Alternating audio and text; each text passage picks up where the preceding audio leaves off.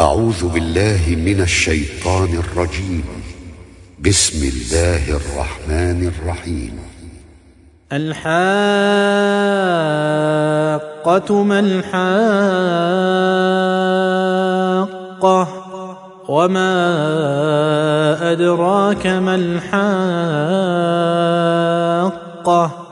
كذبت ثمود وعاد بالقارعة فأما ثمود فأهلكوا بالطاغية وأما عاد فأهلكوا بريح صرصر عاتية سخرها عليهم سبع ليال وثمانية أيام حسوما فترى القوم فيها صرعى كأنهم أعجاز نخل خاوية فهل ترى لهم من باقية؟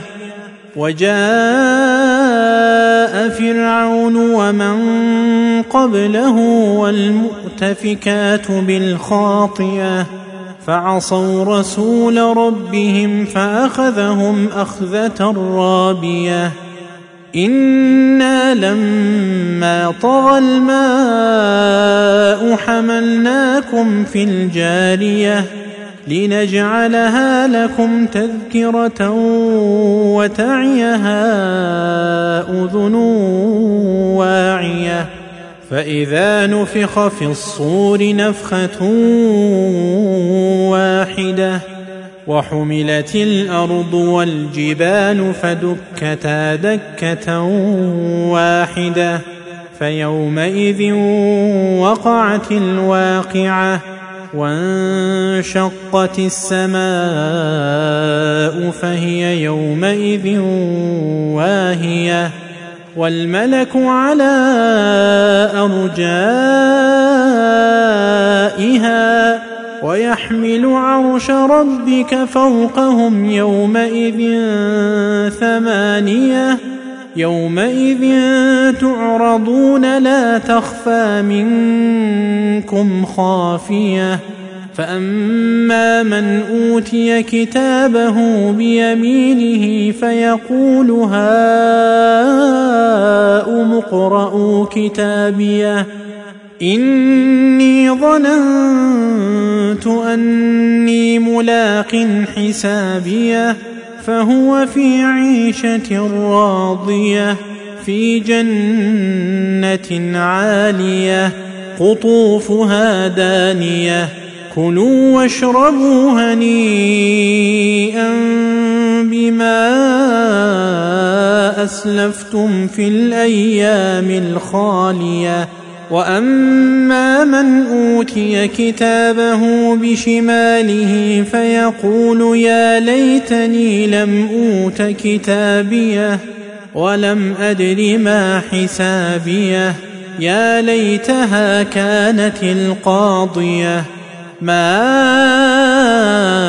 أغنى عني مالية هلك عني سلطانية. خذوه فغلوه ثم الجحيم صلوه. ثم في سلسلة ذرعها سبعون ذراعا فاسلكوه.